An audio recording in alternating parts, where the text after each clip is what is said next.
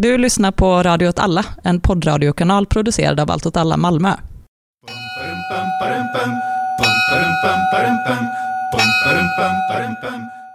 Hej och välkommen till Eldorörelse. Hej och välkommen själv. Det är den 23 mars Det är det. Vi sitter här och ska spela in radio. Jag och Myran är här. och Martin är här. Mycket som händer i världen. Det händer massa just nu, mycket med corona såklart och att det verkar ju vara en ekonomisk kris, finanskris och också kris i produktionen och så som håller på att utveckla sig med triggat av nedstängningen och så. Det är ju också en, ett oljekrig som pågår Mm. där eh, Saudiarabien främst verkar ju försöka knäcka den amerikanska och kanadensiska, alltså shale-produktionen, det här med fracking och de sakerna. Den oljan är dyrare att ta upp ur marken. Den saudiska oljan är väl mer eller mindre att man bara borrar ett hål så sprutar den upp av sig själv. Så nu har de släppt sin priskartell med Ryssland och oljepriset är lägsta på hur länge som helst. Ja, jävlar vad billig soppan är just nu alltså. Ja, jag kör ju inte bil så det vet jag ingenting om, men, men jag följer oljebörserna och det är ju ner extremt mycket. Så det är ju lite som det här vi snackade om, eh, vad är krig och inte? Vad är Mm. den ekonomiska krigsföringen här då? Ja, vi har ju mer. Vi har ju att både Iran och Venezuela har begärt stödlån från IMF. Det lär ju knäcka de regimerna. Ja, det är väl högst troligt och USA är också extra hårda mot Iran där och jag vet inte väl om till och med skärper sanktionerna nu. Nej, det är fan vidrigt alltså. Det kommer ju döda folk främst. Det är ju Inte... inte inte... för att jag har något över för regimen i Iran, men eh, fy satan att sätta sanktioner på medicinsk utrustning. Det är inte ayatollorna som... Även om de hänger löst. Ja, Ja, jag också. på mängden parlamentsledamöter som har strukit med. De är inte purunga direkt. Nej, visst. Inget ont som inte har något gott med sig, eller man säger. Ja, vi ska inte prata så mycket corona idag. Nej, varför inte det? Nej, men det känns som att eh, det är mycket snack om corona just nu. Kan vara schysst att göra någonting annat för folk att tänka på någonting. Även om vi ska prata lite om det.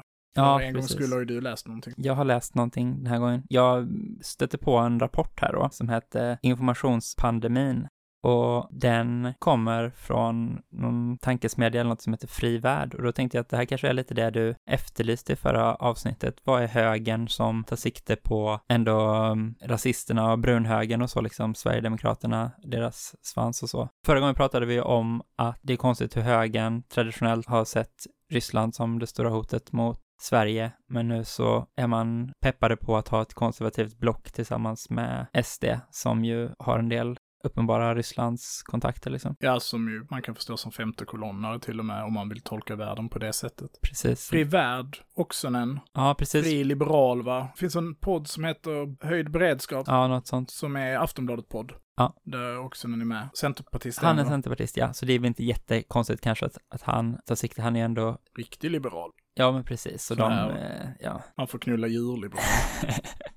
precis. Den, eh, Den kategorin Ja. liberaler. Alltså det tror jag inte han just uttalat sig om, men centerpartister som sagt, de stödjer såklart regeringen nu i praktiken och då vill man inte bilda det konservativa blocket, men ändå liksom att det är någon som ändå sätter ner foten mot Ja, de är här. inte konservativa. Nej. Alltså så, det får man väl ändå... Ja. Den andra rapportförfattaren, Henrik Sundbom, han vet jag inte riktigt för han är partikopplad, han tänker jag nog på som mer kanske moderat eller någonting liksom.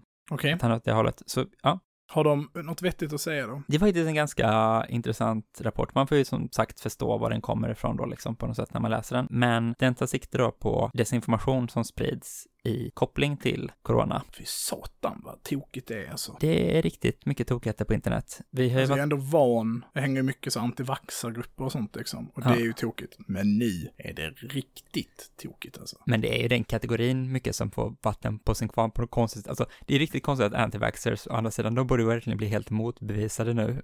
Men och med så här, virus är farliga, det är så här, ifall ni vill testa er antivaxxer-teori, åk till Wuhan då liksom. Jo men de behöver ju därför flera lager liksom. Absolut. Det är nu, det här, deras stående konspirationsteori är ju såklart att det här är liksom för att folk ska bli tvungna att vaccinera sig. Det här är liksom Då ska staten inject the mind control substance i alla för barn. att nu så liksom blir det sån eh, panik liksom. Ja. Så att man liksom får driva igenom olika lagar som ska tvinga folk att vaccinera sig. Rapporten då, den är väl upplagd att den går igenom bara olika aktörer som sprider olika desinformation om det här och liksom lite vilket deras olika narrativ är och så. Och man kan liksom utläsa den här kopplingen då just mellan rysk och kinesisk statlig aktörskap och olika alternativmedia, eller vad vi ska kalla dem, på högersidan liksom. Alltså de här eh, samhällsnytt till exempel är väl det som var avpixlat förut, Ja, precis. som är liksom en väldigt tydlig SD-kopplad Ja, Det är väl Almqvist och Ja, typ, precis. eh, vad heter han? Men han är inte sverigedemokrat, han blir utesluten. Ja. Ekeroth är det väl Ja. också. Jag tror framförallt det är Ekeroth nu när jag tänker på det. I alla fall, de går liksom igenom då, säger först att Kina, de kanske mest vill sprida desinformation om förloppet i Kina, liksom dölja vad det är som har failat där när det har failat i någon utsträckning. Global Times har väl någon sån eh, grej nu för någon dag sedan som var typ, det här verkar vara en egen coronasmitta som sker i Italien just nu. Vilka är global? Det Är det de? är en eh, tidning knuten till kinesiska Ah, staten. ja, okej. ja. mm. Nej, men precis, sådana saker. Och liksom, det är till och med ganska öppet knutet till staten. Det är några ambassadörer som har länkat runt. Just det. Jag vet inte om de tar upp det i rapporten, men jag läste om det i alla fall. Ja. Eh, Jag retweetade väl det också. Ja, just det. Ja.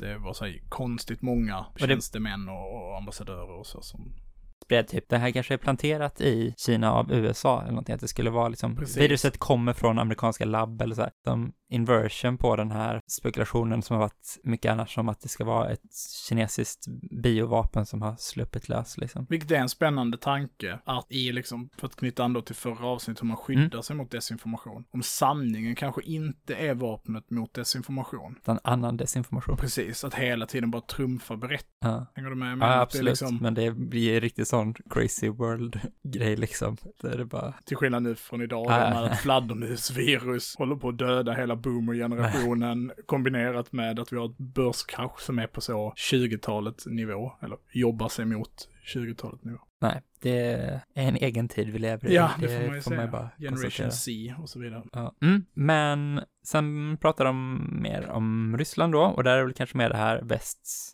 förfall liksom, Mm. hur dåliga de är, får ju lätt lite vatten på sin kvarn där genom hur dåligt EU har- tacklat det här liksom. Mm. Och det finns ju liksom ingen hjälp mellan europeiska länder, så Kina och Ryssland och andra har ju Kuba, så jag nu hade Ja, skickat massa läkare man till inte, Italien. Man kan inte tycka illa om De Kuba. marscherar ner för, för flygplanets trappa med, med ett porträtt av Che, va? Och också... Fidel, tror jag. Ja, okej. Och sen hade de sådana fotbollsvimplar typ. Ja. Med kubanska flaggan och italienska flaggan. Men, men eh, här tycker jag det är en grej, typ att det var så, Kina skickade så här mycket ton hjälpmedel som skulle till Italien. Så mellanlandade det i Tjeckien och då beslagtog tjeckiska staten det. Och det här är en sån sak som jag inte vet om den är desinformation. För jag bara, det var bara en artikel som liksom gick Ja. igenom mitt flöde och så snappade jag upp den och läste den lite snabbt så kom jag på efteråt, så fan jag kollar inte källan. Nej, verkligen. Det, Förstår sådana det, saker det kan ju verkligen kunna vara spridas. Sant, Ja, verkligen. Men, Ja. men det kan också bara vara så, EU fallerar liksom. Ja, men ja, lite exempel på det och så. Roligt där ändå att efter jag läste om det så såg jag på Instagram så har jag en kompis som har ett företag på något sätt som han kallar för myndigheten. Då har han blivit inpingad i helt uppenbart ryska troll-instagram-konton som var så oj, oj, oj, problem med svensk sjukvård, nu det är läge eh, bunkra mat, liksom taskig grammatik och bara helt så löjligt alarmistiska, svårt att ta på allvar liksom budskap så. Också att de hade i sin beskrivning, sin bio, har du ett konto med mer än 5000 följare, retweeta det här så swishar vi 50 spänn liksom. Det var så Okej. extremt bara, vi vill sprida den här disinformationen, Mm. vi att betala dig 50 spänn. Hoppas ingen tog det erbjudandet, för det är ju fan riktigt dåligt betalt för att lura folk om, om liksom läget i landet så. Mm. Ändå slående hur liksom reellt det här faktiskt Men så Även- handlar rapporten då om, om hur kopplingen då till, till eh, svenska aktörer är? Ja, alltså det, Vågar de se sig in på det? jag tror inte de, inte inte de direkta kopplingarna, utan det är mer att det, det övergår sen att de pratar sen om andra icke-statliga aktörer. Då är det ju dels, ja, de här antivaxxers, Mm. de som säljer kollodialt silver är också, har ju sitt liksom, Alltså kvacksalvare ja, alltså. kvacksalvare alldeles slag. Alternativ för Sveriges vice ordförande fick avgå efter att han försökt ockra ut eh, munskydd. Ja. I FPP2 munskydd. till så här 800 procent av de vanliga priserna. Ja, precis. Det var en 250 spänn för någonting som kostar 30 kronor. Då blev de riktiga nazist-nazisterna arga och sa att det var ett judiskt beteende. Det är ju så, Ja, precis. bara- så mycket projektion i Det är antisemitism. Alltså. det. det Och sen så går de liksom igenom hur också den här då, eh, Sveriges median på något sätt kör de här Sveb-TV eller vad fan det heter. Du vet de som brukar sprida konspirationer om klimatförändringarna. Det är olika rasistgubbar som snackar om olika saker och ibland klimatkonspirationer, men nu var det liksom någon pandemi. Och sen så som den spridd på samhällsnytt då liksom Mm. och sådana saker. Så det, de visar liksom upp det nätverket. Och det går ju liksom in i vartannat då på något sätt hur de här riktiga nazisterna är ju antivaxxers och säljer kollodialt silver också, sådana Mm. saker liksom. Att det, Ja, NMR, tror det var Per Öberg, Ja. hade någon hamstringslista så ingick det liksom så här C-vitamin och, och silvervatten. precis silver och Och han säljer det själv också. det är det vi gör. så. Och så tar de upp lite då, mm, typ hur det liknar den amerikanska alt-right, liksom. Alex Jones Mm. säljer också så här kosttillskott genom sig. Jag vet inte ifall de går igenom det här, men det är ju samma sak med han den här Golden One som Mm. säljer liksom kanske legit eh, träningskosttillskott och sådana saker, men ändå liksom att det, alla de här grejerna flyter in i varandra. Alternativmedia, alternativhögern och alternativmedicin verkar liksom finnas en koppling där. Verkligen, ja. Jag vet vad man kallar sådana? Nej. Det här gänget vi pratar om nu. Nej. Ja, landsförrädare.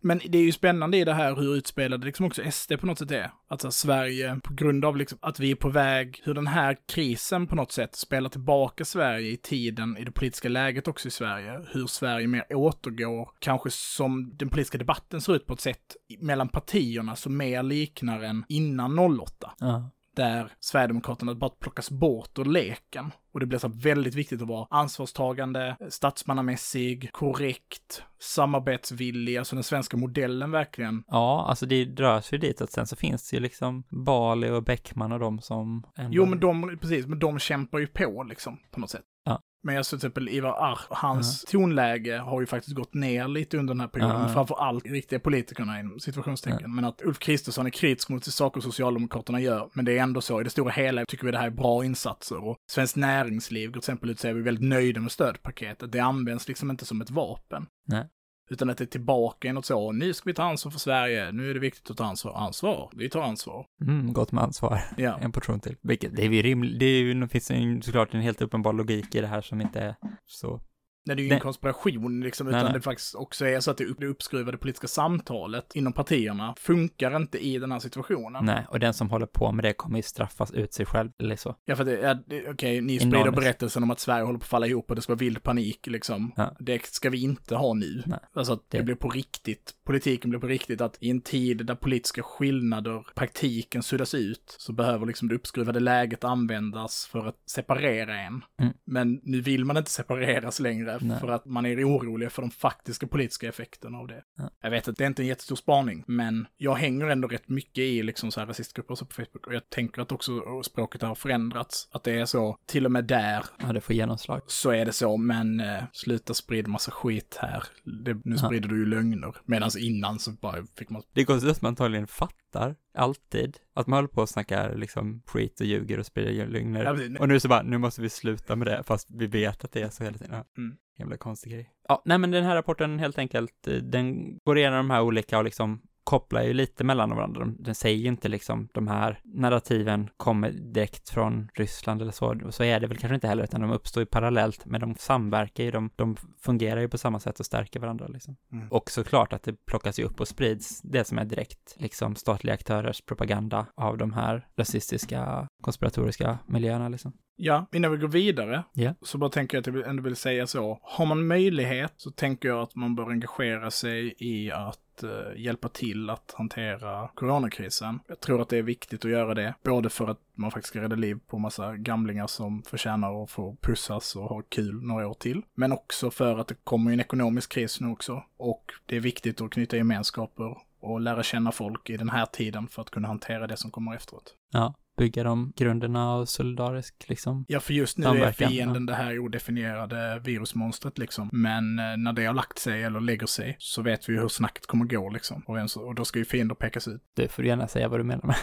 Nej, nej, men att då kan man då kommer vi stå i ett vägskäl. Ska man skära ner på välfärden eller ska företagen? Betala för, för en, Ja. en, en Alla de här guldåren, stödpaketen som har kommit ut nu, är de, ska de betalas tillbaka någon gång eller ska bankerna få dela ut vinster med ena handen och ta emot statliga stödpengar med andra handen? Är bristen på samhälleliga resurser ett resultat av skattelättnader för eh, den mikroskopiska eliten? Eller är det ett resultat av vår migrationspolitik? Och det, den debatten kommer att stå. Ja. Kan vi bygga starka solidariska nätverk innan det? Och bygga lojalitet och tilltro till varandra i lokalsamhället så kommer vi kunna hantera den politiska strid som kommer att stå sen. Ja, man kan ju passa på också att göra en väldigt konkret reklam för att Allt åt alla i Malmö har startat det här initiativet Granne till granne, som är att man kan hjälpa folk som inte kan gå ut själva och sådana saker med matleveranser. Det finns även, vad heter de, Hela Malmö va? Mm. Ett nätverk på, Nydala. Nydala. Mm. Väldigt imponerande Med samma arbete. saker lite. Ja, precis, Ja. som att ha fokusprogram och så för barn och så också. Och precis,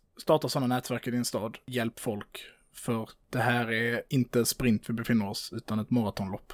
Och den här konflikten kommer att förvandlas om några månader. från ett samhällskonflikt till en klasskonflikt. Ja, precis. Då fick vi det sagt. Nu har vi ändå pratat corona lite. Ja. Ja, Det får det räcka. nu får det räcka. Vad ska vi prata om idag? Det ska du få höra nu. Well,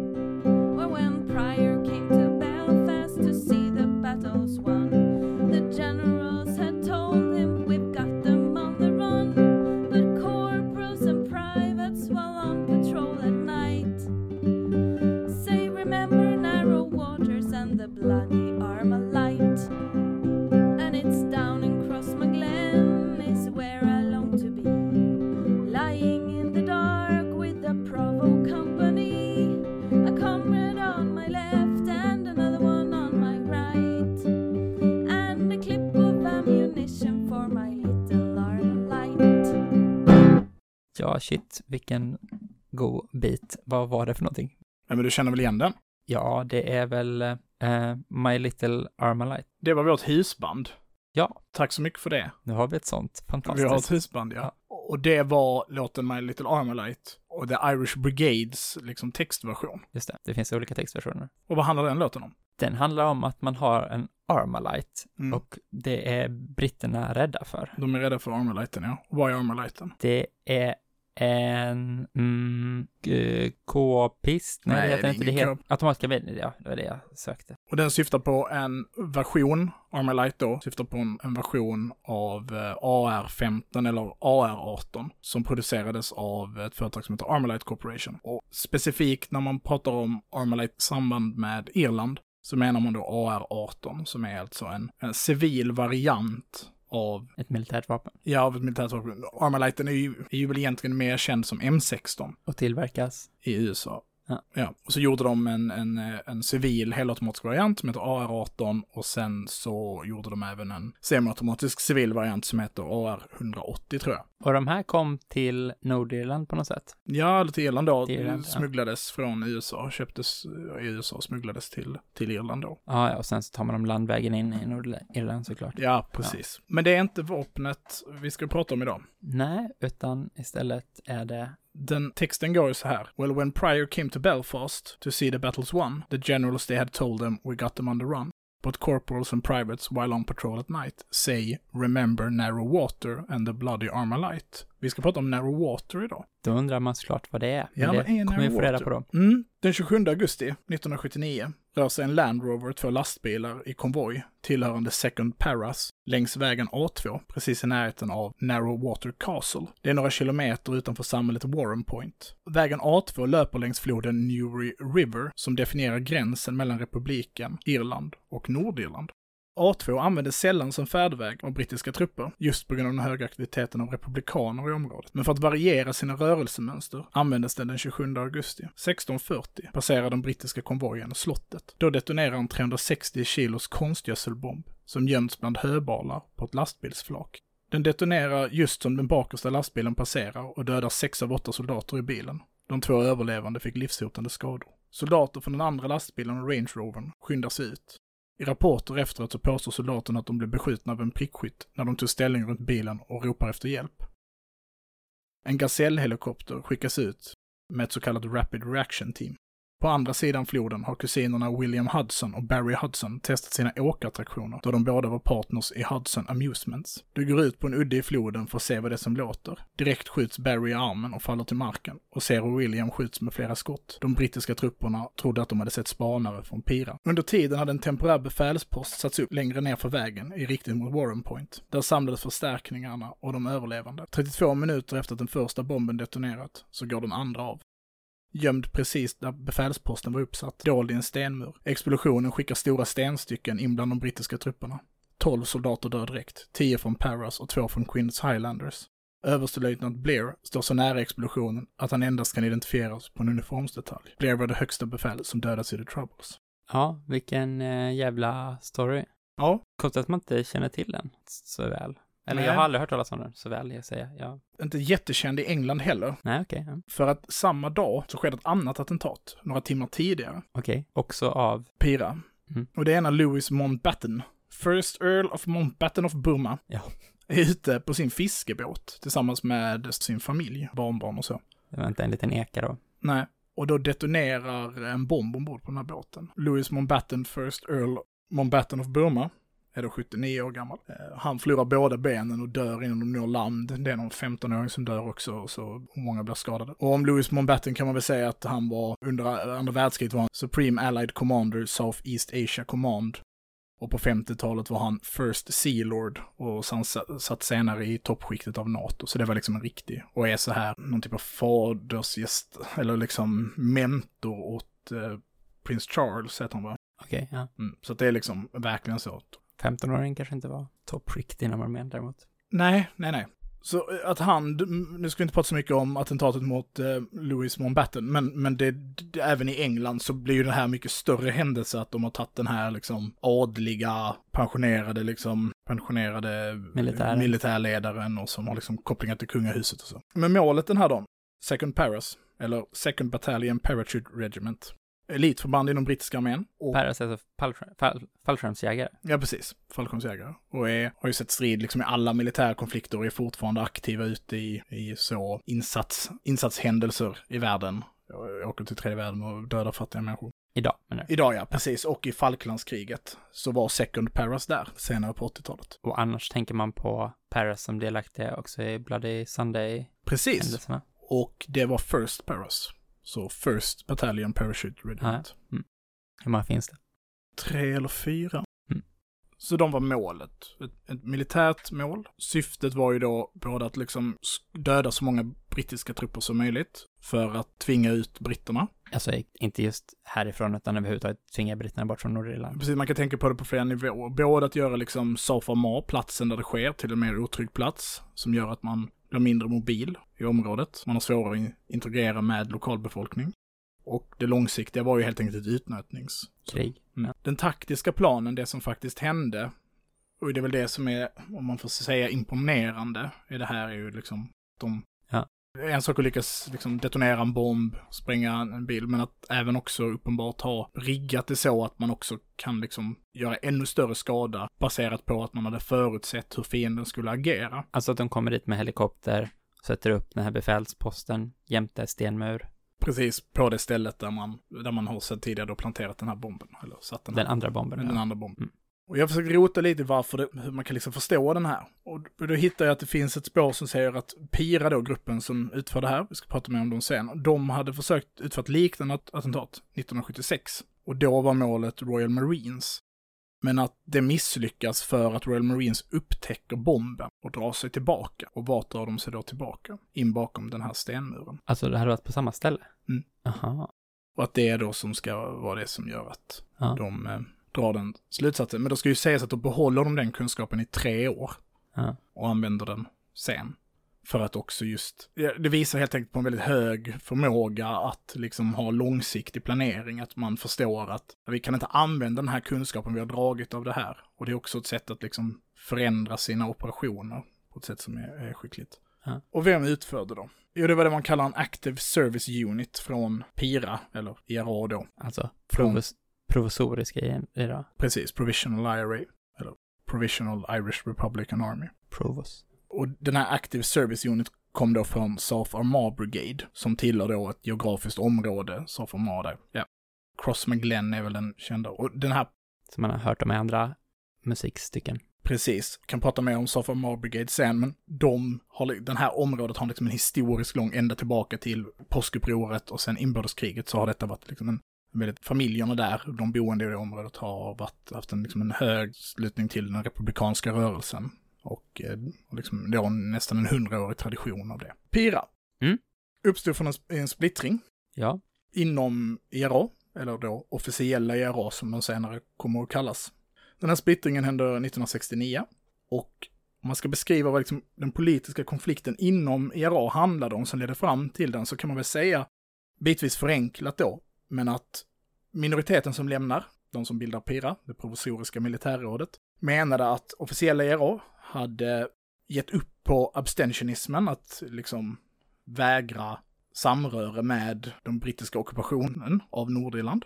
Och framförallt genom att inte ta platser i de val man vann, va? Att man inte, för man ställer upp i val och så vinner man en plats i en församling, så bara låter man det vara tomt. Precis, det är en del av abstentionismen. Ja. Man erkänner inte då Stormount, då det här regionala parlamentet, eller vad man ska säga, som finns på Nordirland. Och sen uppfattade man att OERA, eller officiella IRA då, hade en, för liksom hårdnackad marxistisk förhållningssätt till själva konflikten. Officiella IRA menar väl liksom att konflikten mellan katoliker och protestanter Ja. bland arbetarklassen var en rent sekteristisk konflikt. Och att som, som, som bara tjänade överklassen. Och, och att då välja typ vapen för att skydda det ena mot den andra är liksom att delta i den sekterismen. Spontant tycker jag det låter som en ganska sympatisk hållning från det officiella IRA, men det är väl också så att det här officiella IRA och det partiet som liksom var kopplat, de var en väpnad gren till Sinn Fein. Ja. väl? Eller var Ja. Sinn Fein en politisk gren av? Ja, absolut. Det, det är relevant tror jag. De anklagades väl också för att vara liksom eh, väldigt uppbundna mot Sovjet vid den tiden. Okej. mot Moskva liksom. Och att, att, det kanske, att det kanske inte var liksom en utifrån sina egna förutsättningar den här analysen kom, utan liksom som en mer ett påbud om hur man borde agera för att det skulle vara liksom fördelaktig folkfront som skulle tjäna liksom kalla kriget, konflikten på något sätt.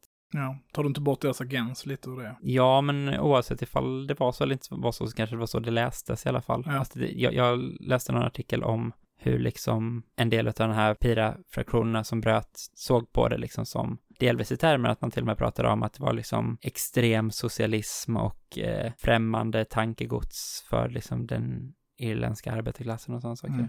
Det som då gör att, att den här, det låter ju som en rimlig marxistisk hållning, fallerar och som driver fram den här splittringen är ju att det då året innan och liksom successivt byggts upp har ju varit att unionister då har, om man ska säga då, nationalister eller lojalister mot republikaner. Det är svårt, man kan liksom använda ganska många olika termer för att dela upp de här. Vi kanske måste bestämma lite vad vi ska prata. Man kan ju å ena sidan prata om unionister och nationalister. Och de som vill vara en irländsk union och de som vill vara, De som vill vara en del av den brittiska unionen. De som vill vara irländska nationalister. Precis. Eller ska man prata om lojalister och republikaner. Då är man lojal mot det brittiska väldet, eller Ja, så vill man ha en irländsk fri republik. Precis. Ja. Och så som det ofta porträtterades Ja, i media här var väl en konflikt mellan katoliker och protestanter också.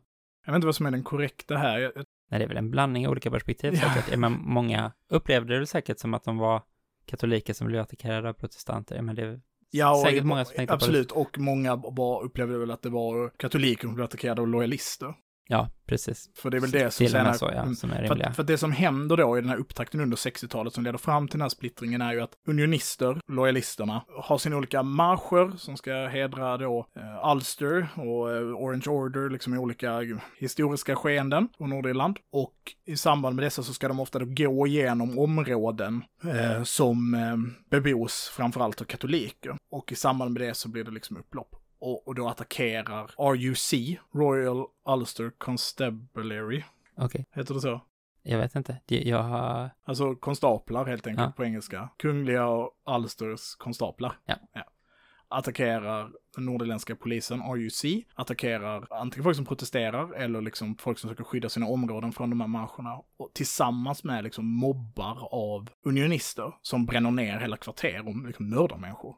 Och i det här så, så sker det ju liksom ett, från civilbefolkningen i de här områdena som Falls eller Bogside eller vad det nu kan vara, att så här, vi måste skydda oss själva och vi, polisen skyddar ju inte oss. För den är ju, är ju eh, lojal med ändå. med Occupations- med liksom styret över, över Nordirland som ju företräder eh, lojalister. Och då var det traditionellt på något sätt IRA som hade gjort det här, men officiella IRA hade då tappat sin kapacitet att Ja, skydda Och att, de grupperna de på något sätt företräder här liksom. ja, och då sker ju den här splittringen på grund av att det provisoriska militärrådet säger men vi skiter i er hårdnackade marxistiska tolkning av den här konflikten. Nu måste det göras någonting om man ska göra det enkelt. Mm. kan man känna hem från sin egen rörelse. Så går man ut och börjar skydda de här områdena. Ganska tafatt på många sätt och andra är det liksom håller tillbaka mobbar i eldstrider som pågår under flera timmar. Och där finns det väl det här klassiska, om man vill läsa mer om det, Battle of St. Matthews 1970. Ska säga chefen över militär, det provisoriska militärrådet håller tillbaka, sju personer eller någonting håller tillbaka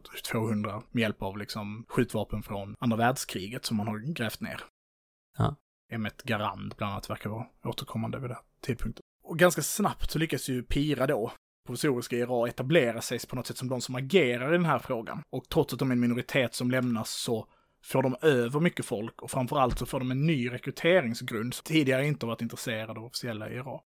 Det gör ju att hela konflikten blossar upp igen. För Pira ganska snart bestämmer sig för att vi ska ha en ny militärkampanj, vi ska ha en ny offensiv. När hade man haft det innan liksom? Hur För ser- 50-talet så sker de från officiella IRA. Så har de en, en eh, gränskonflikt då, eller vad man ska säga, så där det är en, en eh, kampanj över gränsen. Hade den backning på något sätt från Irland då? Eller liksom man i alla fall inte var så hårt Ja, men så kan man motverkad? väl säga. Ja. Jag, det här är inte saker jag kan så bra, men, men det är ganska lätt att anta vid tanke på att liksom beväpning och träning sker i republiken. Ja. Guardia då väl som de heter i på Irland, alltså polisen, och ha överseende med det här eller inte göra ett jättedrastiskt. För det som händer då, på tal om det, är ju att när den här splittringen sker så ger gärna fail, Vi ska inte försöka oss på de här olika Galliska, språken som vi inte kan uttala saker på, ja, som är ett, hög, ett republikanskt högerparti i republiken Irland. som styr då, eller? Ja, precis. De, sitter, de har regering då. De beväpnar Pira. Mm. Och det blir rättegång och så sen, det kommer fram och det ritas även, det görs även planer 69-70 på en militär intervention från republiken, alltså en officiell militär intervention. Så man har då en högerparti i Irland som stöttar någonting som officiellt, för även Pira var ju officiellt en vänstergrupp, Ja, de socialister. liksom, socialistisk grupp.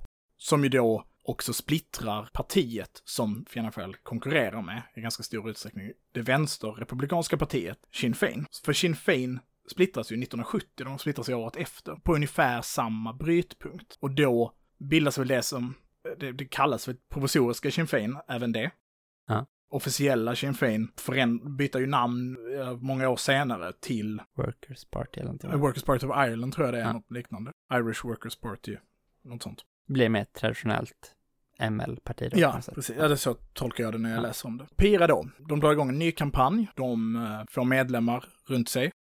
1971 så beräknas eh, officiella ERA ha 200 medlemmar och provisoriska ERA ha 500 ungefär. Okej, okay. Ändå ganska låga tal på ett sätt ifall man tänker att man krigar mot en av de stora världsmakterna fortfarande på något sätt, Ja, som Storbritannien får säga. för om man då ska ta hela den här liksom the troubles då, som vi pratar om på något sätt, och det, det här avsnittet kommer inte kunna fånga hela the troubles, för det, är- det är liksom en mirad av, av eh, händelser. Vi ska tillbaka till Narrow Water om ett tag och försöka bena ut det lite mer. Men The Troubles heter i, i den brittiska militären då Operation Banner. Det är liksom den militära operationen som pågår då från 1969 till 2006. Officiellt, det är liksom då den pågår. Ja, 2007 tror jag faktiskt att den avslutas officiellt. Operation Banner är liksom den övergripande. Officiellt sett så påbörjas Operation Banner för att RUC inte klarar av att hålla isär de här grupperna, det här sekteristiska våldet och de här etniska spänningarna på Nordirland. Och välkomnas till en början liksom, av, av den, den katolska befolkningen för att nu är britterna här, de är inte inblandade i den här konflikten så direkt som RUC är. Och nu kommer de upprätthålla lag och ordning här. För det är faktiskt en typ väpnad milis eller någonting som håller på att attackera de här bostadsområdena. Precis det måste ju staten stoppa liksom. Det är ju ändå rimligt att tänka sig.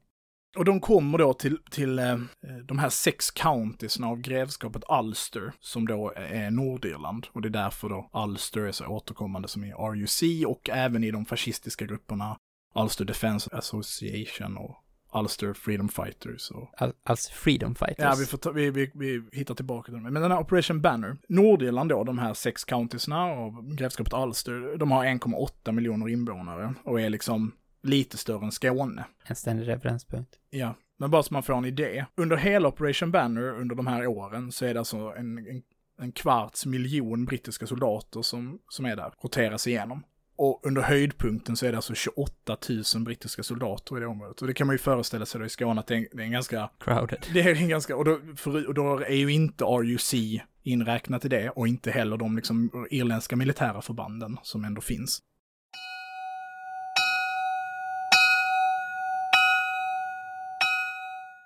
Den historiska händelsen man kanske absolut mest förknippar The Troubles med är Bloody Sunday. Precis, den blodiga söndagen, 30 januari 1972. Ja. Den händelsen, se gärna filmen, det är en väldigt bra film om du inte har sett den.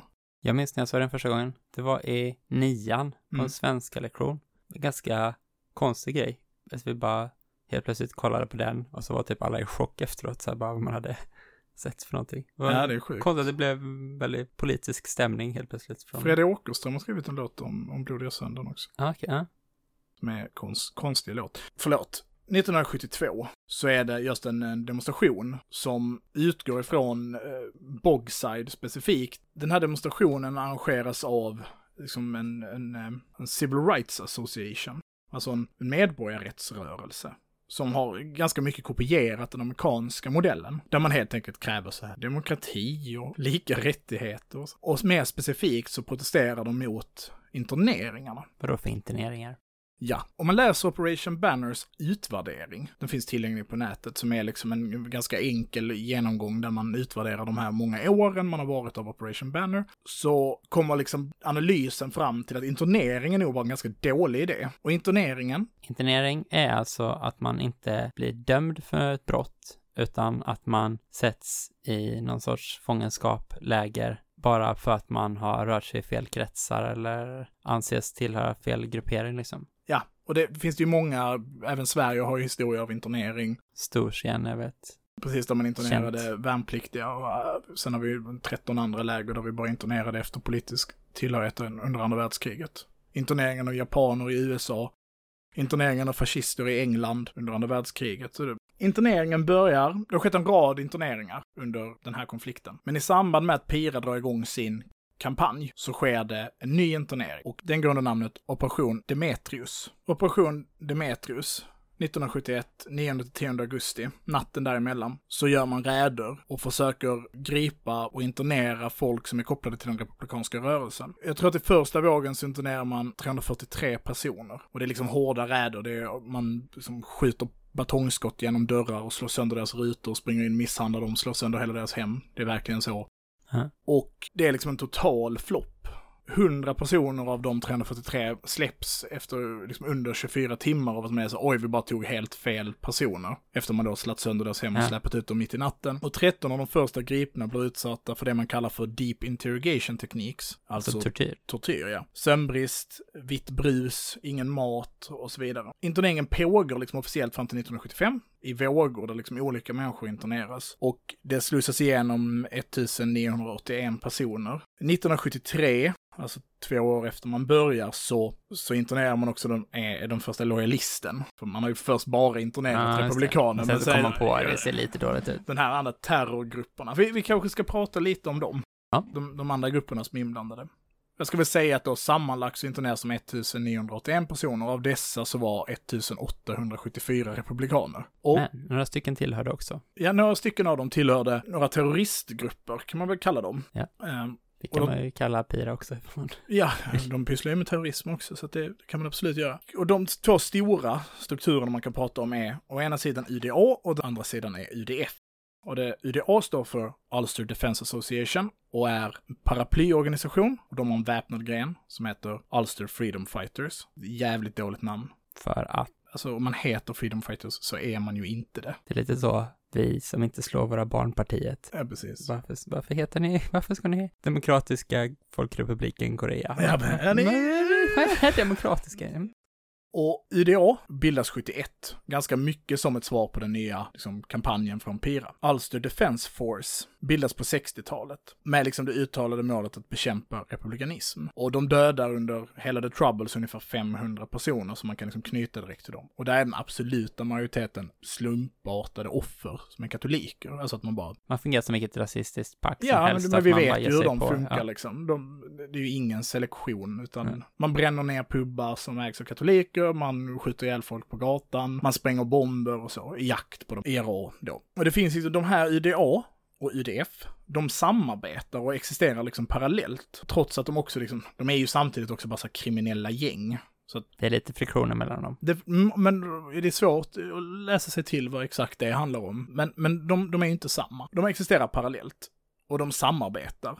Men det uppstår också konflikter. Bland annat så är det så att under en strejk mot någonting som heter Sunningdale-överenskommelsen, som är liksom som en light-version av vad som sen blir långfredagsavtalet, så har de liksom en generalstrejk mot det här. UDA och UDF arrangerar en generalstrejk bland då protestantiska arbetare eller lojalistiska arbetare.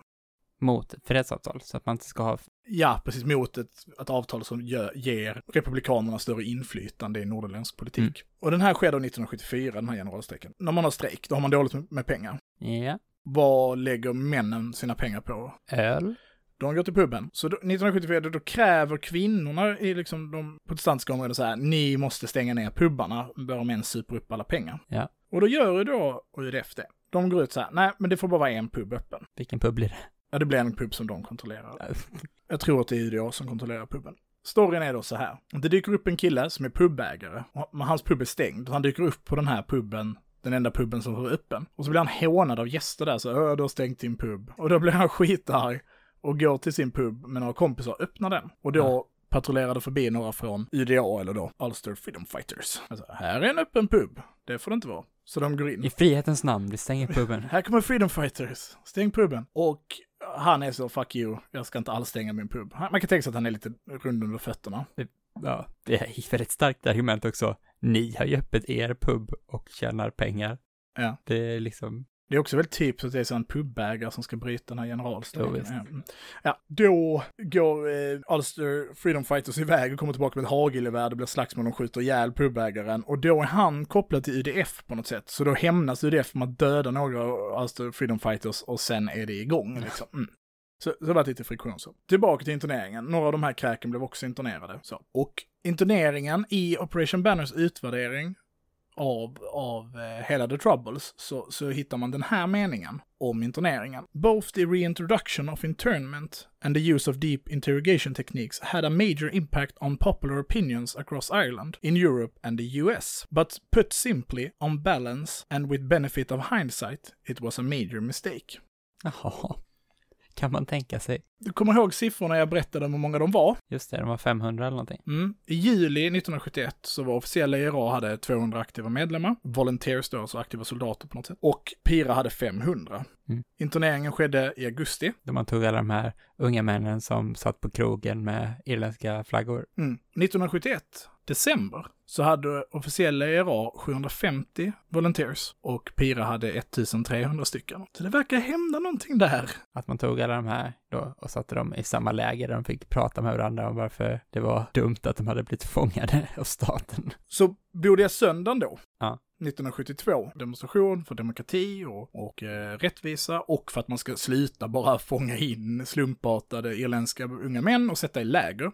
Vilket ju då, de flesta kan nog historien, slutar med att First Paras skjuter ihjäl 20-tal personer och sen ger man medalj till de som har gjort det. Men en grej med, med filmen i alla fall som jag minns det är att huvudkaraktären där är inte katolik själva. Ja men precis, för det är viktigt att komma ihåg i det här att den här gränsdragningen mellan katoliker och protestanter, det är liksom inte så enkelt. Precis som i Jemenkonflikten eller i Syrien så går det, liksom, så delas liksom människor inte enligt de här sekteristiska linjerna, utan ledaren då för huvudpersonen man följer i filmen Bloody Sunday är en, en protestant som är aktiv i Social Democratic Labour Party, tror jag de heter, som alltså leder en människorättsrörelse mot hur britterna hanterar, eller mot hur Nordirland hanterar sin katolska befolkning. För att, att det sker en systematisk diskriminering, det råder det liksom ingen tvivel om. I analysen av Operation Banner så är det något av det första som fastslås, att även om det kanske inte på pappret existerade något förtryck av katoliker, alltså rent juridiskt, så fanns det liksom ett institutionaliserat förtryck. Och det erkänner liksom, i efterhand då så erkänner man liksom, ja men det är inget snack om saken. Free Derry då, eller Derry, var det brittiska samhället, alltså intaget alla städer i hela England, den med högst arbetslöshet och folk var för jävla fattiga. Och då kan man ju tycka som socialist att alla människor ska ha Ja, då kombinerat med systematiskt fall, övergrepp liksom. Ja, från, eller från Ja. ordningsmakten och så. Så i januari så sker blodiga söndagen 70, 72 och interneringen har börjat 71. Och då kan man tänka så, hur bra fungerade interneringen? Alltså det verkar ju både att de fick väldigt många fler medlemmar och så. Och det börjar den här människorättsrörelsen och så skjuter man ihjäl dem. Jag trodde det funkade, jag vill bara få gissa. Jag trodde det var Nej, en men jag tror att det var ändå impopulärt att, att eh, militären kom och sköt ihjäl fredliga demonstranter. Ja, du sa det? Jag Ja. tänka mig att folk då kände det här med fredliga demonstrationer kanske vi får lägga på hyllan lite och göra på något annat sätt. Kan du komma på något sätt man skulle kunna så här, kvantifiera det här eller försöka få fram, skulle man kunna titta på något särskilt för att få fram om det här var ett lyckad counterinsurgency eller inte? Om det blev mer eller mindre insurgency. Ja, men om det var mer eller mindre våld kanske? Ja, just det. Det är ett Absolut. jävligt mått på insurgency kanske. Som ett sånt eh, köksprogram. Jag har förberett lite här. 1972, mars. Det är före, nej det är precis. Det är efter blodiga söndagen Ja. och det är ett par månader efter interneringen. Men folk sitter fortfarande inne. Interneringen pågår, den kommer att pågå i flera år till. Incidenter med, med handeldvapen, alltså shooting incidents som de beskriver det då 399 stycken i mars. Ja. Man beslagtar 780 vapen, man arresterar 375 personer. I april sker det 724 shooting incidents. Man beslagtar 74 vapen och man arresterar 229 personer. I maj så sker det 1223 shooting incidents. Man beslagtar 52 vapen och man arresterar 199 personer. I juni så sker det 1215 stycken. Man beslagtar 58 vapen och man arresterar 233 stycken. Och i juli, Kan det vara fler kanske? Ytterligare? då sker det 2718 shooting incidents och 101 vapen omhändertas och 364 personer arresteras. Så man ser en ganska liksom drastisk ökning. Och det här är alltså på ett område som är stort som Skåne? Ja, lite större än Skåne. Det blir, blir en ganska spännande parallell här till de här som pratar om Sveriges pågående samhällskollaps och så, att det vi är ett krigsliknande tillstånd och sådana saker. Här, här var det ju inte krig riktigt. Nej, precis. Då, angående förra avsnittet man pratade om när det är krig. Det här var ju inte ett krig, nej. Men då, än- ändå sköts det 2000 gånger i månaden. Ja, Men det skjuts 20 gånger i Malmö på ett år och då är det, då är det inbördeskrig. då är det inbördeskrig. Ja.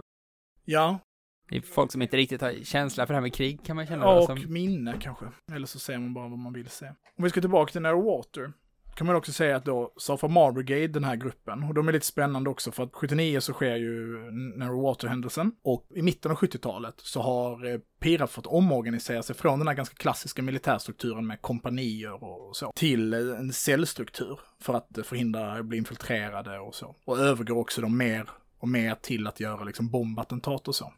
men inte då. South of Mar Brigade, nej, utan de är de enda som behåller den klassiska militärstrukturen. Och en av förklaringarna till det är att det, det, det, rör, sig om en, det rör sig om familjer som, som har pysslat med det här i flera generationer och därför liksom förmågan att infiltrera dem är väldigt låg. Vilket också innebär att de måste vara typ helt känt. Vem som är. Ja. Hur- Hur stort samhälle är det liksom? Cross McGlenn till exempel, eller South of Mar. Ja, eller South of Mar är ett område, men mm, eh, 2011 så eh, bodde det 174 000 personer i South of Mar. okej, ja, det är ändå en del folk. Och då utgör ju det typ en sjättedel av hela Nordirlands st- storlek. Så att Saufamar, ja, som är det området eh, mot gränsen så att säga, är betydligt mindre än så. Men eh, okej, och en brigad, hur stort är det då?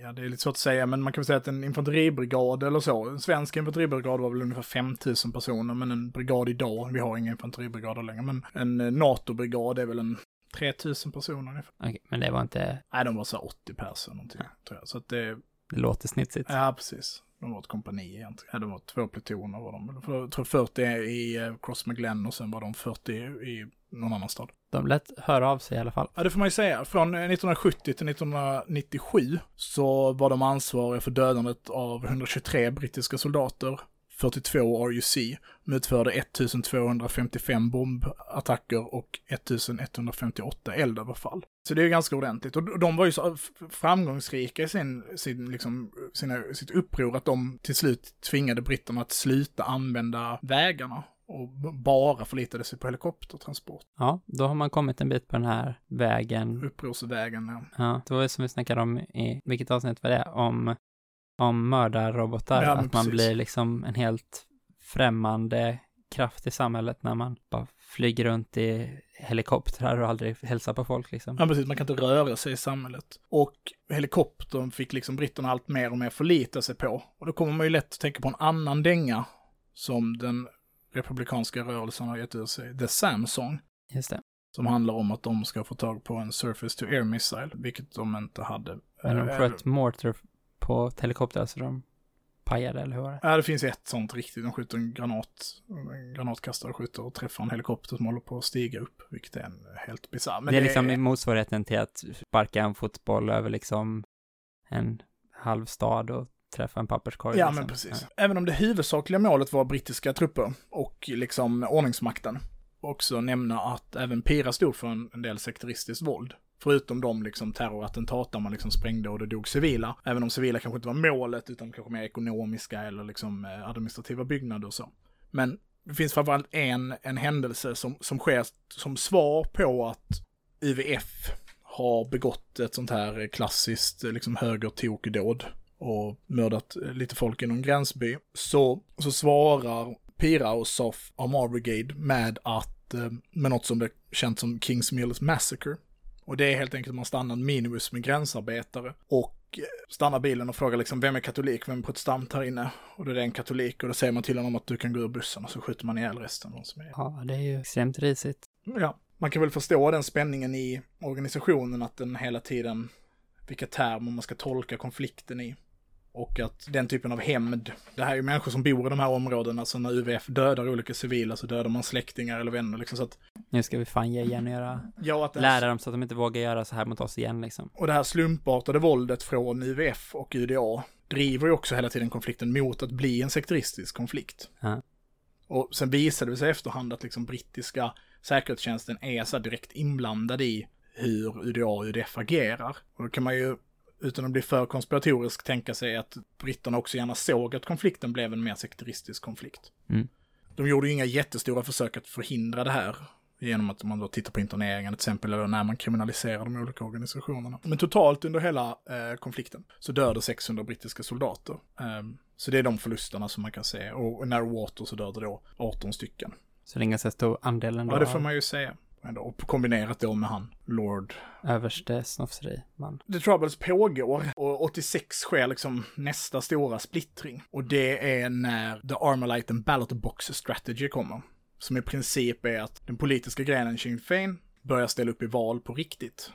Så att man liksom parallellt med sin väpnade kamp också har en mer direkt politisk kamp. Få, och få röster men inte få ta platser fortfarande då? Jo, för att ta plats. Så man överger abstentionism. Och då sker det ju en ny Just det, för dem. enligt samma linjer. Och då bildas det som sen blev då känt som Republican Sinn Féin och deras väpnade gren. Sira. Ja, SIRA. Continuous IRA. Så fortsättning SIRA. Lurigt för dem då i första splittringen när de att känna så, vi blev utsplittrade här för att vi ville vara med i val och sen så tio år senare, eller vad det är, så, jaha, men då börjar de. Ja, och, och det är ju spännande också för man kan verkligen se hur konflikten då trycks mot det hela tiden. Man bedriver en, man bedriver en väpnad kampanj, den lyckas inte. Och då, Vad fan ska vi göra nu då? ja okej, men vi kanske skulle kunna komma in, vi kanske skulle kunna få makt. Och på så sätt så sker det liksom en, en militär och en mer reformistisk linje liksom. Vilket man kan känna igen för många liknande splittringar i liksom Europa generellt under de här åren. Ja, vad tänker du på då? Nej, men jag tänker på hur sociala rörelser i Tyskland till exempel gick från liksom den långa marschen genom institutionerna eller liksom man skulle påverka politiken och då är det liksom en del som drar iväg åt ett annat håll. Jag tycker man kan säga det i Italien till viss del också. Man försöker till en början att hålla liksom massrörelsen och det väpnade i samma projekt och så går det till slut inte och då tvingas de isär och då ser man liksom en linje som går militärt. Och, och då eskalerar ofta de militär ja, inriktade grupperna. De är små och kan bara liksom få igenom någonting med på det sättet liksom. Med ökad militans liksom. Och, och symboler blir viktigt så att det blir också symbolvåld istället för målvåld om man skulle kunna dela upp det Ja. på det sättet. Om man ska liksom avrunda själva historiska biten då så slutar ju det här 98 med att eh, långfredsavtalet sluts den 10 april. Och långfredsavtalet säger väl egentligen att Nordirlands ställning är liksom en fortsatt del av en union med Storbritannien. Och om det ska vara på annat sätt så ska det vara liksom av ett, eh, avgöras av den norrländska befolkningen. Med på någon typ av val. Och att den självstyrande, liksom demokratiska institutionerna på Nordirland ska eh, ha representation mellan de här två motsatta fraktionerna då, unionister och nationalister. Och, och att det här självstyrande Nordirland ska ha ett nära samarbete med republiken Irland. Och det genomförs en folkomröstning. I Nordirland så röstar 71 procent ja och valdeltagandet var 81 procent. Och i republiken Irland så röstade 94 procent av väljarna ja och valdeltagandet var 56 procent. Ja. Men 71 procent med ett valdeltagande på 81 är ju ett ganska... Det är ganska tydligt Mm. ändå. Men eh, anledningen till att man också från eh, lojalistiskt håll eller protestantiskt håll, om man ska säga, kan vara lugna med det här är väl för att man är en majoritet av befolkningen Ja. på Nordirland. Så det måste liksom till något mer för att den här folkomröstningen om att lämna Storbritannien ska bli aktuell. Då måste det liksom ha hänt något mer bara. Än, Och det är ju liksom och det är kanske lite nu på gång då. precis i och med EU och så. Men att, men att det, ju, det finns ju också en sån liksom rasistisk grej om att katolikerna äh, växer. Det är en växande grupp. Du vet, katoliker ska få många barn. Ja. Så att kan känna igen den retoriken. Att Jo, verkligen. En dag kommer vi vara en minoritet. Minoritet vårt eget och nu får vi inte använda Union Jack längre utan att folk tittar surt och så vidare. Men Nordirland. Ja. Varför är det så spännande? Mm, det kan man fundera på. Det är ju många som tycker det och många i vänstern har ju någon sorts fetisch, eller på att säga. Men det vet man ju själv. Fascination. Fascination ifall man ska vara schysstare. Det är ju klämmiga sånger. Det är ju, det är ju en, särskilt de här transversionerna. eh, Det är vitt. det är vitt, Det är absolut. vita, vita människor med vapen. I-. Oss geografiskt mycket närliggande område liksom. Mm. Det får man ändå säga. Det finns, det finns ju inte riktigt något liknande Jätta. konflikt. Ja, det ska vara jätte då eller något sånt. Men det är ju lite längre bort Mm. och ändå Inte lika vitt. inte lika vitt. Alltså, Men absolut, det är ju, på ett sätt är det ju en enkel story, att det är så här, det finns två öar som ligger jämte varandra. Den stora ön har tagit en chunk av den lilla ön. Folket där lever i ockupation och förtryck. Nu gör de uppror. det hade varit en fantasybok hade man verkligen tänkt, gud vad lökig story det här. Äh, för lätt liksom, varför har de gjort Och det? den kanske konstigaste som ger lite legitimitet till det här. Det var ett jättestort imperium som styrde över hela världen nästan. Kunde Men de kollapsade imperiet. Men de behöll en liten bit på den lilla, lilla ön. Nej, men man bara säger varför gör de det? Och det är väl det som är också grunden i den här konflikten, att det verkligen är så orättfärdigt. Alltså, varför? Nej. Varför ska England, och nu är det ju inte riktigt så, utan nu är det ju självstyrande till viss del och, och så, men, men var, var, varför ska England bestämma, varför ska inte den ön vara ett land? Det är intuitivt så tycker man det är orimligt. Men det finns ju en, en ganska djup, liksom också så här problematisk sida med den här konflikten. Alltså att, Ja, det får man verkligen säga, med tanke på att båda sidor hade sin terrorism och sådana saker. Även ifall man inte kan jämföra det som sagt med mellan då liksom de här lojalistiska grupperna som gick ut och mördade vem som helst som de tyckte såg ut att vara katolik liksom. Och republikanska våldet som hade liksom någon politisk plan eller så. Mm. Men oavsett vilket, jag har väldigt svårt att se poängen med att bomba civila mål i England liksom. Det är bara vanliga knegare som dör då också ja, som så här, bombningen av bankkvarteren i London till exempel och så, då det dör en journalist som trotsar avspärrningarna. För att man ändå är ganska mån om att ringa in och varna och så först, vilket är ju en typ av terrorism som vi kanske känns lite främmande idag. Där målet är, är inte att döda civila, utan målet är materiella skador eller bara skapa rädsla.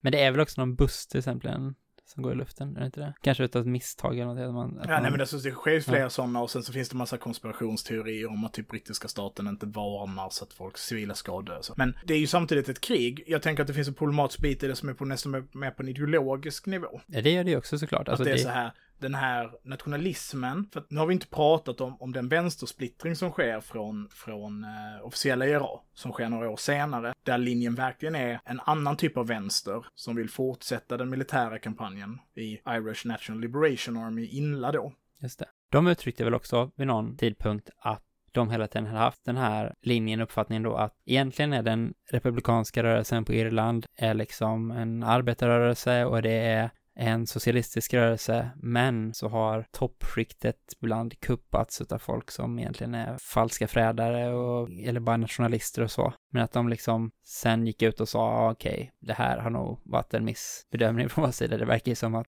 väldigt många i första hand är nationalister och i andra hand har varit vänster bara för att det råkar vara den rörelsen, liksom officiella stämpel så, men att man egentligen inte haft ett djupare men det, finns, det gäller ju inte bara egentligen Nordirland, även liksom republikanism i Irland som helhet tillbaka i tiden. Det är väl det berömda James Connolly-citatet som är ifall vi skulle kasta ut britterna imorgon och sen inte hissa den röda flaggan, då har vi egentligen förlorat för då skulle britterna ändå styra oss genom sina liksom landägare och sina banker och kapitalismen skulle bestå och då är arbetarklassen lika nedtryckt som den var Jo, men... men- bara med en annan flagga liksom. Ja, och att liksom på Irland, eller och i republiken Irland, så fanns det ju en stor liksom högertendens också. Om man tar spanska klasskriget till exempel, så skickas, åker det ju betydligt fler som stödjer Franco via blåskjortorna än vad det är som stödjer eh, republiken i Spanien. Ja, och Irland, alltså bortsett Nordirland har ju varit högerstyrt många Repu- perioder. Ja, republiken Ja, Irland precis. har varit högerstyrt under ja. precis. och, att, och att även om man tittar på kampanjen, alltså för samtidigt finns det ju någonting där som är så, det är fattiga, hungrande människor som tar till vapen för liksom det de tycker är rätt, de befriar områden, bestämmer över sig själva, de ställer sig upp mot en av världens största militärmakter och de typ får dem att bli rädda eller så. Och i den historien, i det narrativet finns det något som är spännande på Nordirland. Sen kan man väl vara, alltså just nationalismen ställer ju liksom lite till det i hela den här berättelsen. För att det blir ju också sagt, men varför ska ni ha Nordirland? Alltså det är självklart att det här förtrycket mot katolikerna måste sluta. Men det är ju inte socialism i republiken Irland. Det har vi inte uppnått. Nej. Vi har inte uppnått att republiken Irland är en socialistisk fri republik och nu ska vi införliva även den här delen av arbetarklassen som hålls ner av det borgerliga oket eller vad det nu skulle kunna vara för, för berättelse. Utan när den här eh, offensiven drar igång 69, 70, 71, då styr liksom ett konservativt högerparti på Irland som ger vapen till den socialistiska frihetsgruppen. Ja. Jo, du sa väl någonting innan om det här med att det finns också en inneboende logik i det här att så ifall man väljer då ha en väpnad kamp för nationell självständighet så måste man på något sätt börja motivera sig med att vara i första hand nationalist. Nej men att säga nationalism, man kan ju, man kan ju lätt avfärda nationalism som någonting falskt. Alltså som i ett vanföreställningar eller, och, och- det, det, det köper jag. Alltså så här kärlek till sitt land är liksom, det är, det är liksom, det är en falsk föreställning. Men den är ju också, någonting kan liksom vara falskt Men sant. men sant och därigenom äkta. Det blir väldigt Det finns de facto en massa människor som känner, känner här, de här känslorna Ja. inför sin, liksom, sin jord och sitt, sitt, liksom, sin historia. sin och identitet. och därigenom är sin liksom- identitet, liksom, eller genom sin identitet. Och i den, och det kan man ju avfärda som vänster och vara så, det är ju vanföreställningar. Men det verkar ju ligga mycket närmare till hands till människor att fånga upp den. För att vi kan å ena sidan säga så, men vi har eh, IRA, de var ju ändå socialister så här, och vi har ETA, och de var också socialister. Men liksom befrielserörelser eller nat- nationella befrielsekamper existerar liksom över hela jorden. Ja, ofta har de varit vänster officiellt, i alla fall så länge Sovjet fanns. så länge Sovjet fanns, ja.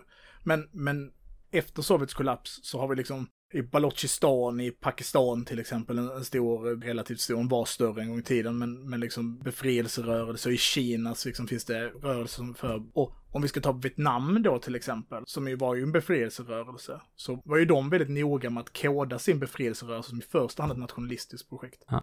I Vietnam så kallar man sig för Viet Minh, vilket är liksom en förkortning för i princip League for the Independence of Vietnam. Ja. Och man ställer liksom oberoende i centrum som en, liksom en koalition där nationalismen eller liksom självständigheten var det centrala. Sen var ju de kommunister, men för att de i praktiken var en front för kommunistpartiet. Mm. Vietnamesiska kommunistpartiet. Men så nationalism är ju uppenbart något riktigt på det sättet, eller liksom de här känslorna av Absolut, men då är väl, blir väl nästa fråga, är det något som man bör engagera sig i och stödja som vänster? Även ifall det finns och är reellt, ska man alliera sig med de rörelserna eller stödja dem, eller kan man bara försöka göra sin egen, egen sak? Det är väl en historisk diskussion som har funnits väldigt levande inom vänstern liksom. Ja, och, och på teoretiskt plan så skulle jag väl säga nej. Så. Nej. Men jag kan väl också känna att det är en ganska bekväm position för mig, född i ett land med relativ självständighet, till stor del absolut självständighet, att, och liksom med ett visst inflytande över mitt, mitt, mitt samhälles framtid. Att sitta och säga att länder som saknar det, äh, Håll inte på, med, ja precis, eller håll inte på och tramsa med det, vad spelar det för roll? Och det här kan jag väl tänka lite också att om man har en mer gammeldags stil, eller tankevärld, och vilket vänster saknar till stor del idag, är det ju det här självförtroendet, men att det är ju, får vi rösta så kommer alla rösta på oss. Får Mm. vi demokrati kommer folk välja kommunismen. Mm, det kanske man trodde, sen så hade man fel, eller det är så Ja, också. Även de partier som valdes som officiellt var vänster blev i många fall ganska korrupta röverband. Liksom. rövarband liksom. Alltså, Vietnam idag är ju inte något socialistiskt föredöme på något sätt. Och jag menar, Nej, även så här, alltså det är- Eller Sydafrika. Sydafrika, absolut, precis det jag också tänkte ta upp, liksom, även ifall där fanns ju Sydafrikas kommunistparti en annan sak än ANC, ANC var ju fronten liksom, men, men också att det är ett väldigt hårt klassamhälle i, idag. Och även om man såklart inte är för apartheid, om man inte är för eh, att, att USA eller Frankrike ska dominera Vietnam och det är ju svårt att liksom, eller det är väl meningslöst att fördöma liksom de frihetsrö- ja, nationella befrielserörelserna eller så, men, men det jag tänker är att man kanske ska fundera på i vilken utsträckning man lägger energi på att stödja dem liksom ändå, att det, Ja, eller vilka processer kriget tvingar fram i en rörelse och vilken typ av slutprodukt som kommer komma ut Absolut. ur den processen. Ja. För det tänker jag är något som är viktigt också att komma ihåg att någonstans i den här vägen så tvingar, känner sig de här rörelserna tvingade att övergå till en militär mil- dimension. Ofta för att de försöker på många andra sätt och så går inte det. Nej. Och då är man så här, fast vi har inget val mer nu än nu får det bli ett inbördeskrig, eller nu får vi helt enkelt kasta ut våra förtryckare liksom. Och i den processen av krig, och kriget har ju sin egen logik och kräver sin egen struktur för att de ska vinna, så kan liksom, men att den här militära strukturen verkar vara eh, ganska central, framförallt historiskt sett, till att vinna ett krig. Och visst, då kan man väl ha Rojava som ett exempel. De fick ju lite hjälp av amerikanskt luftunderstöd också, men krig kräver en, skapar en dynamik. Och den kanske inte kräver det, men det är kanske väldigt svårt att hålla tillbaka att de, makten och våldet. För, för man kommer ju tänka på, jag kommer tänka på två olika saker jag läst inom närtiden. Och den ena Ja. är, är eh, en text av Gilles Davé som heter typ Klasskamp i Barcelona eller något liknande. Finns med i Vägrandets dynamik. Och Jag, jag vet inte varför jag läste om den, men jag gjorde det för någon vecka sedan. Och att jag håller på att läsa en bok som handlar om en, en jämförelsestudie mellan den eh, väpnade eh, grupperna i Tyskland på, på 60-70-talet. Det är samma period som vi har pratat om idag. Och Italien, om man jämför de två och ser liksom vilka, vilka det är tendenser eller hur det här växer fram. Och alltså våldet, de här våldsgrupperna, grupperna med våldet i fokus, de, Gilles beskriver dem på, på ett ganska med ett ganska träffsäkert sätt på många sätt. Liksom när han beskriver hur de här grupperna, att vi ska undvika specialiserade våldsgrupper för att de blir staten, för staten är våld och de blir staten i rörelsen och till slut så blir också våldet, när våldet som medel inte når målen, så blir våldet målet. För det är det enda som ger liksom existensberättigande till den här gruppen. Nu kan jag verkligen ha våldfört mig på tolkningen av, av Gilles men det var liksom tanken när jag gick iväg efter att jag hade läst den här texten. Och att en militär ledning, framför allt i en, liksom en, en, en upprorsgrupp, kräver hemlighetsmakeri med en sluten kärna av ledare som tar besluten för människors liv och död. Och det offret de människorna har gjort och de handlingarna de människorna har gjort kräver liksom rättfärdigande. Och därför så måste den här kampen föras vidare och din tillit till dina befäl eller uppåt måste vara total. De kan inte ha felat, för har de felat så har ju allt varit meningslöst. Och den slutprodukten som kommer ut sen ur det, det är inte bra. verkligen, det, den eh, liksom demokratiska processer, eller vad man ska kalla det, kräver att- vilja till ifrågasättande och ja, Rojava är ju inte slut än. Alltså den historien är inte slut. nej, men man kan ju vara orolig för saker och man kan också vara hoppfull inför saker. Det är väl rimligt båda två. Just att se hur, det, hur den processen påverkar och vad det kommer komma ut, vad det faktiskt kommer komma för slutprodukt ur den konflikten och den processen som PYD då och YPG, YPJ eller SDF då går igenom. Och vad det kommer vara för samhälle med vilka liksom strukturer som kommer komma ut därefter. Om det får någon chans överhuvudtaget, eller ifall det bara blir överkört av alla andra makter. Om man ska sammanfatta det här, avsluta det här på något sätt, så tänker jag att om man ska dra några lärdomar av Irland, och då tänker jag nog framförallt på den militära kampanjen, den rörelsedynamik mellan liksom rörelse och väpnad grupp, så står IRAs, eller liksom PIRA specifikt, storhet i, man kan ju antingen tillskriva detta britternas dåliga counterinsurgency eller PIRAs förmåga att hantera drag och motdrag. Men att Piras storhet ligger inte i handlingarna som de utför, utan reaktionerna på handlingarna som britterna gör. Just det. Att den reaktiva förmågan, och det här är spännande på, på ett mer generellt politiskt plan, men att det handlar till väldigt stor del om att britternas trubbiga våld hela tiden blir det största vapnet mot dem. Det- Och för, för att våldet ska vara trubbigt så kräver det att du också inte är en utdefinierad grupp, utan du måste ha en social rörelse du befinner dig i, som du verkar genom och i. För det är väl det med. kanske då, får man kontrastera det mot RAF eller någonting, där man liksom verkar ändå tänka de här banorna och prata om att liksom repressionen mot oss kommer avslöja för, eh, statens sanna fascistiska ansikte. Ja, precis, som Finns det någon att sån- tappa sin Janusmask och... Just det. Ja. Mm. Det funkar ju inte när man bara är en perifer våldsgrupp som gör tokiga saker, för då tycker ju folk istället att staten är legitim i sitt liksom Mm. bekämpande av den. Sen så hade väl RAF förvånansvärt stort stöd i alla fall och så inom en viss miljö och sådana saker liksom. Men- Jag kan för lite om Ja, den men- situationen nej, ja, de jag- verkar i. Jag ska väl inte uttala mig exakt om hon lever Nej, det är verkligen Men det inte kommer min... komma ett sånt avsnitt när jag är färdig med den här boken. Ja. Men, men precis, att, att man kan å ena sidan tänka sig att det handlar om att britterna är jättedåliga. Det andra kanske handlar om att IRA faktiskt verkar en väldigt stor social rörelse i klassen som, är, som de finns inom. Och att våldet därför blir trubbigt. Ja. Så, för det går inte att kirurgiskt avlägsna dem. Och hade de inte haft det så hade deras kampanj varit en totalt misslyckande. Om man hade bara fängslat och internerat. Ja, det man är mycket färre och har mycket sämre material och så, och då är det klart det måste till något annat. Ja, så slutklämmen kanske bara är att eh, var inte en, en väpnad grupp och ska du vara det så ska du se till att ha en social rörelse. Den andra poängen är att kriget, att bara att det blir en väpnad konflikt räcker för att ni ska misslyckas. Ja. Du? Ja. Någonting jag skulle vilja ha på slutet, det är att vi lyssnar på hela den här låten. Kan vi göra det? Det kan vi göra. Då, eh, Så vi tack för idag. ja tack så mycket för idag. Tack till vårt eh, husband Maxim. Följ oss på Twitter, Trojkan 1337 Sluk, hal och följ oss på Facebook.